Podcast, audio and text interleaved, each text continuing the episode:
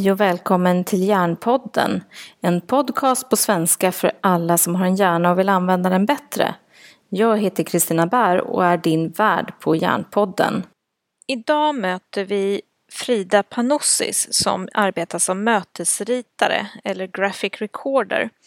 Och vad det är ska vi ta reda på i avsnittet och vad det kan ha för betydelse och eh, fördelar för att ta in information. Eh, podcasten spelas fortfarande in via Skype, så om ljudet svajar så vet du varför. Eh, jag arbetar på att utveckla tekniken, men än så länge får ni hålla till godo med innehållet. Vill du ha kontakt med mig efter programmet så är du välkommen att mejla på kristina.exist.se eller ta kontakt via LinkedIn. Men nu över till dagens avsnitt.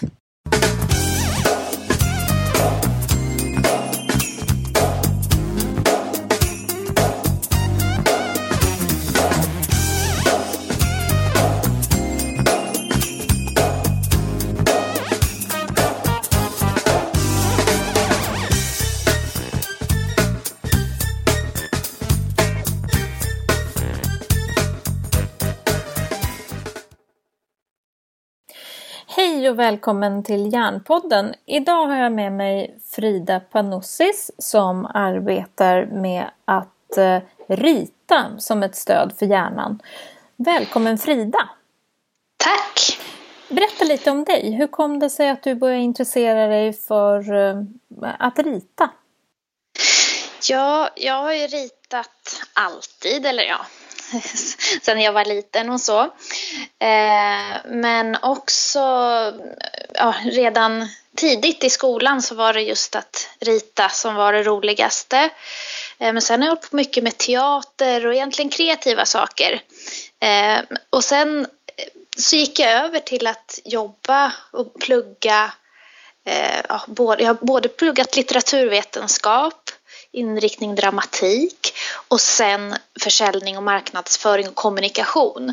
Och sen nu de senaste 15 åren så har jag jobbat med försäljning och framförallt kommunikation. Och så nu så i våras så startade jag eget då som mötesritare. I USA kallar man det för graphic recorder men jag tycker att det är så förstår man inte riktigt vad det betyder. Eh, så ja. vad, vad tänker du att det här kan hjälpa till med om man nu ska ha ett möte? Vad är det som händer när du ritar? Eh, om man tänker på att det finns ju olika sätt att använda det. Dels är det ju att, de, att jag kan vara med i ett möte och när man pratar till exempel om man jobbar med brainstorming eller idéutveckling eller ja, då man på något sätt vill arbeta tillsammans för att kanske ja, skapa nya idéer eller skapa samsyn.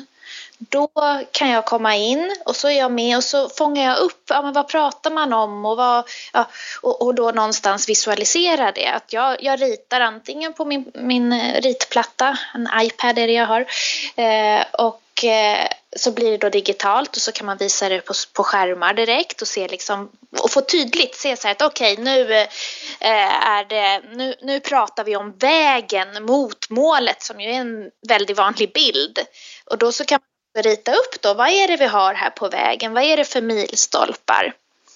Eh, och man kan också vara med tillsammans i gruppen. Att vara delaktig och rita eh, de, de saker som man eh, diskuterar eller kommer fram till. Ja, just det. Så att här någonstans så kan du på något sätt fånga de bollar som finns runt omkring i rummet kan man säga och få ner dem i bild så att det blir tydligt för fler. Ja, precis. Ja, men eh, för då, då tänker jag att eh, graphic recorder som du säger, det är ju ganska otydligt för oss svenskar. Men vad är det, det liksom, vad, är vinsten för dem som tar in dig? Det handlar ju mycket om det här att man vill skapa samsyn på olika sätt. Som det är ju, många företag jobbar ju till exempel och organisationer och ja, egentligen inom eh, eh, ja, också inom skolan och lärande så pratar man ju om eh, värderingar eller samsyn. Eller mm. om vi tar för, sko för skolan som är din, ditt favoritområde ja.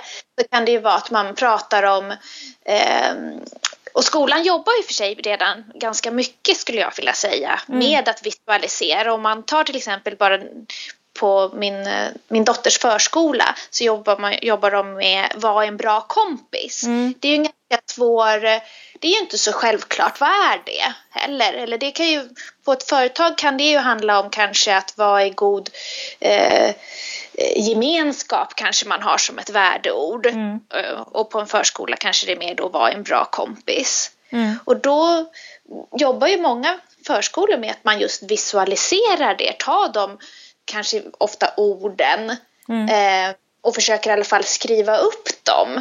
Men om man också ritar dem, illustrerar till exempel att eh, hjälpa, då skulle man ju kunna rita att om eh, i skola eller förskola, att om någon ramlar, att någon kommer fram och liksom mm, frågar hur är det? Då, då, då har man visualiserat att det är att hjälpa. Mm. För det ja, hjärnan gillar ju sådana såna bilder liksom. Mm. Eh, och jag tänker då... också, en bra kompis är en, en som håller ja. en i hand när man är rädd eller ledsen. Precis, precis. Mm. Och då kan man rita alla de här sakerna. Mm. Och då kan det också bli tydligt, då, då blir det liksom betingat och att man får den här, den, det, det goda beteende som man vill ha. Och, och det, man kan göra tvärtom också. Att vara vad är en dålig kompis? Att man till exempel har, då kan man ju rita någon som står så här och skrattar elakt mm. eh, när någon har ramlat. Och så kan man göra ett kryss över det. Mm. Och så kan man rent pedagogiskt hänvisa också då till att, men titta, det där, det är på på liksom, och man, man kan jobba med färger också, rött då, det vi inte gör och grönt det man gör som ju också mm. är sådär äh, färg, färgbetingat som, som hjärnan gillar mm. och vi lätt tar till oss. Rött är stopp och inte bra och grönt är så som vi ska göra. Då, mm. Det är det vi, då kör vi liksom. Mm. Och jag tänker en annan sak. Jag hade ju Mia Liljeberg med i podden för ett tag sedan när vi pratade om eh, tydliggörande i arbetsorganisationer. Och oftast i arbetsorganisationer så är det ju inte enklare begrepp som bra kompis utan just professionalism till exempel. Som är ett Precis. extremt flummigt ord för de allra flesta. Ja. Ja. Och vad sjutton är det? Ja, och vad betyder det för oss just, just. i på vårt... För det är, man kan ju, jag, jag skulle, om jag skulle forska någonting så skulle jag... Så ett hett ämne för mig det är att just forska kring värderingar. Alltså eller se, göra någon slags statistisk översyn av eh, företagsvärderingar.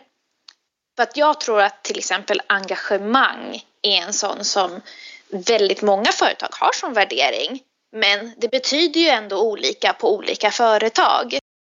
Men om man inte lever det, om man inte har fyllt det med någonting och om, och om man har eh, tio, ja det spelar ingen roll, tio eller tiotusen anställda och alla har då sina versioner av vad är engagemang. Mm, då är det ganska det blir... verkningslöst.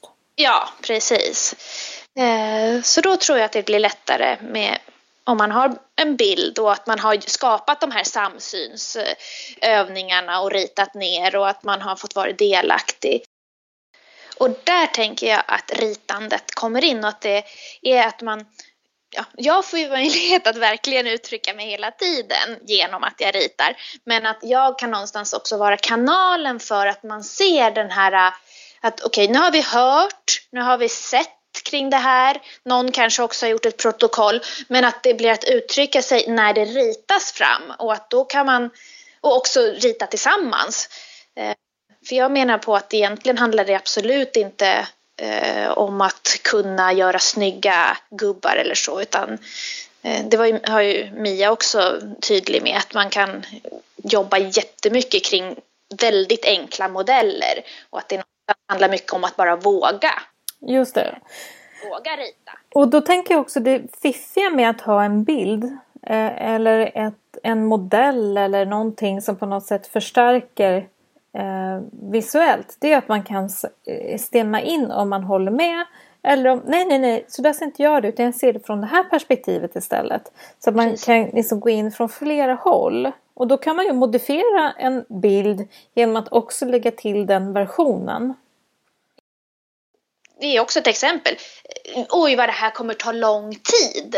Mm. Kanske man säger. Och då är det ju så här, ja, vad är lång tid för mig? För mig kanske lång tid är ja, det är över ett år. Det är lång tid. Yes. För någon annan som sitter, då är lång tid eh, tre månader. Alltså att man någonstans har de här uttrycken som man kanske många gånger ja, sitter och och så, så förutsätter man att ja, men lång tid, det vet väl varenda människa vad det innebär. Mm. Fast nej, inte just i om vi säger så här, lansering av en ny webbsida till exempel. Vad är lång tid för det? Och en annan faktor tänker jag är också då att vad skulle en adekvat tid vara?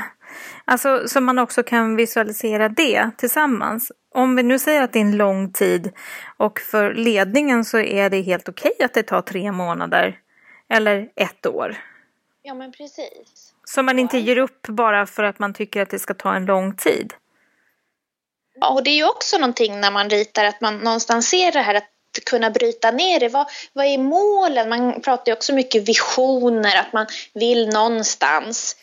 Och då så blir det ju tydligare med att okej, okay, vi ska komma, vi ska vara bäst i världen eller så mm. inom det här och det här. Okej, och var är vi nu? Då kan man liksom se också, göra en sån eh, visualisering att nu har vi de här marknadsandelarna eller inom skolresultat kanske det är liksom att visionen är att vi ska uppnå, eh, ja vad ligger vi nu på eh, på, på listan i mm. Sverige. Och vad skulle det innebära då att vara bäst i världen också? För det är ju också ja, på vilka parametrar, vad är det vi mäter? Ja, och då får man Ja, precis. Då blir det att eh, tydliggöra de bitarna och så kan man eh, ja, rita upp helt enkelt mm. vägen eller om man gillar en trappa eller ja, den eh, figur eller metafor som passar en bäst. Mm, just det. För, eh, ja. Och varför, varför gillar hjärnan det här? Vad är det som gör att det här är liksom ja. enklare för hjärnan att hantera? Man brukar ju generellt sett eh, förenkla med att eh, vänster tillhör det analytiska, det logiska. Men, men också då fakta och ord och siffror. Eh, och att det ska vara realistiskt och tydligt. Och också mycket på detaljnivå, att man säger att, ja, att man gillar att det ska vara det här ordning och reda. Eh, och det kan man ju skapa när man ritar så blir det ju just de här tydliga delarna. Om vi tänker till exempel eh, med grafer och diagram och sådana eh, saker. Det är ju egentligen det är ju en visualisering för att tydliggöra. Och också när man ritar så kan man ju framförallt gå in och rita på jättemycket detaljer. Jag kan ju rita ner till små, små, små, små, små pyttedetaljer. Men det kan ju också då vara de stora penseldragen. Det är ju bara att höra i språket igen att vi säger att vi målar med bilder och stora penseldrag. Ja. och det, det blir det ju när, vi, när man ritar helt enkelt. Att då kan man få de här helheten, det fluffiga och färg och form och känslor och visioner och passion och allt det här liksom mycket eldigare eh, som många gånger när man sitter i ett arbetsmöte på ett jobb och man ska lösa svåra problem eller om man då sitter i, i en lärargrupp och ska lösa ett pedagogiskt problem så sitter man ofta väldigt fokuserad i problemet men man ser inte lösningar. Och jag, jag tror att om man bara liksom skulle kunna genom att rita hitta, skriva ner eh, vad som helst för att bara få bort problemet ifrån agendan. Så att man också kan börja säga okej okay, vi parkerar de här lite åt sidan. Vad kan vi se för någonting som hänger ihop här? Vad är det som mm. inte hör hit? Ungefär som eh, du vet Magnus, Brasse och Eva. Här. Vad är det som ska bort? Ja, precis. Ja. För då blir det på lek jag... och man kan liksom plocka bort någonting och man kan tänka eh, pro, alltså lösningsfokuserat istället genom att man kan göra det på det sättet. Mm. det blir tydligt liksom vad som inte hör dit. Och, precis, och framförallt det där också att sortera, eller det är ju en typ av sortering. Att man mm. någonstans har att okej okay, nu, och, och, fokus, att man kan hålla ett fokus på ett annat sätt ja. om man ritar. Mm. Och då tänker jag också det här med, med bilder. Eh, jag pratar i förra podden med Nina Hjort som är duktig på presentationsteknik. Och hon pratar om det här med att eh, ha väldigt mycket bilder och få ord istället. För det som vi normalt gör på möten när vi ska försöka få fram ett budskap eh, är att vi har en presentation med massor av ord på. Eh, istället för att använda en bild kanske. Eh, som är lättare att kommunicera och framförallt lättare för mottagaren att hantera. Jo, ja, alltså det, det finns ju jag vet ju inte hur mycket kring liksom det här den hemska eh, powerpoint. Alltså powerpoint går ju såklart att använda och jag använder också powerpoint för att visa vissa delar. Men eh, ja, det var väl i din podd också då man sa att hjärnan styrs ju mot att läsa text. Är det ju mycket text då blir det ju direkt att då går ju hjärnan in i textläge och då slutar vi ju lyssna. Men om man däremot har ett vitt papper, någon pratar och sen det ritas fram eller det projiceras upp. Då blir det ju, ja, på engelska säger man ju mesmerizing. Jag tycker att det är mycket bättre än fascinerande. Men det är ju fascinerande, alltså att det blir den här liksom, då, då måste man titta då måste man hänga med och då är det ju någonting som direkt anknyter till det som talas så att det går i samklang. För det händer ju också många gånger att folk har kvar bilder och så pratar man om något annat. Men du, du och Mia tror jag som pratar om att det blir den här konflikten mellan vad man visar och, och, och bilden. Och det kommer man ju också ifrån om, eh, om man ritar. Och som, som ledare och så kan man ju lära sig liksom väldigt enkla eh, delar. Så att ja, det här är inte bara för att för dem eller för mig som är ett litet ritfreak så som bara älskar att rita. Det behöver ju inte vara så att man ja, behöver eh, tycka att rita är det roligaste för att använda det som ett verktyg. Med andra ord behöver man inte vara tecknare eller eh, mm. konstnär för att kunna använda ritande som ett kommunikationshjälpmedel. Nej, precis som att du inte behöver vara fotograf för att, för att använda bilder eh, mm. eller fota så, så att säga. Även om mm. nu det har blivit, nu i dagens läge så är ju var och varannan mer fotograf än för bara kanske fem tio år sedan. För mm. att det liksom har blivit ett sånt stort eh,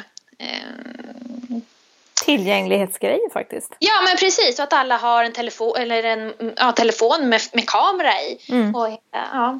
Så jag, tror, jag tror ju på en ritrevolution. Jag tror att alla kommer börja rita mycket mer. Ja det tror jag med. Bara nu de senaste uppdateringarna på telefonerna innebär ju att man kan rita mycket mer.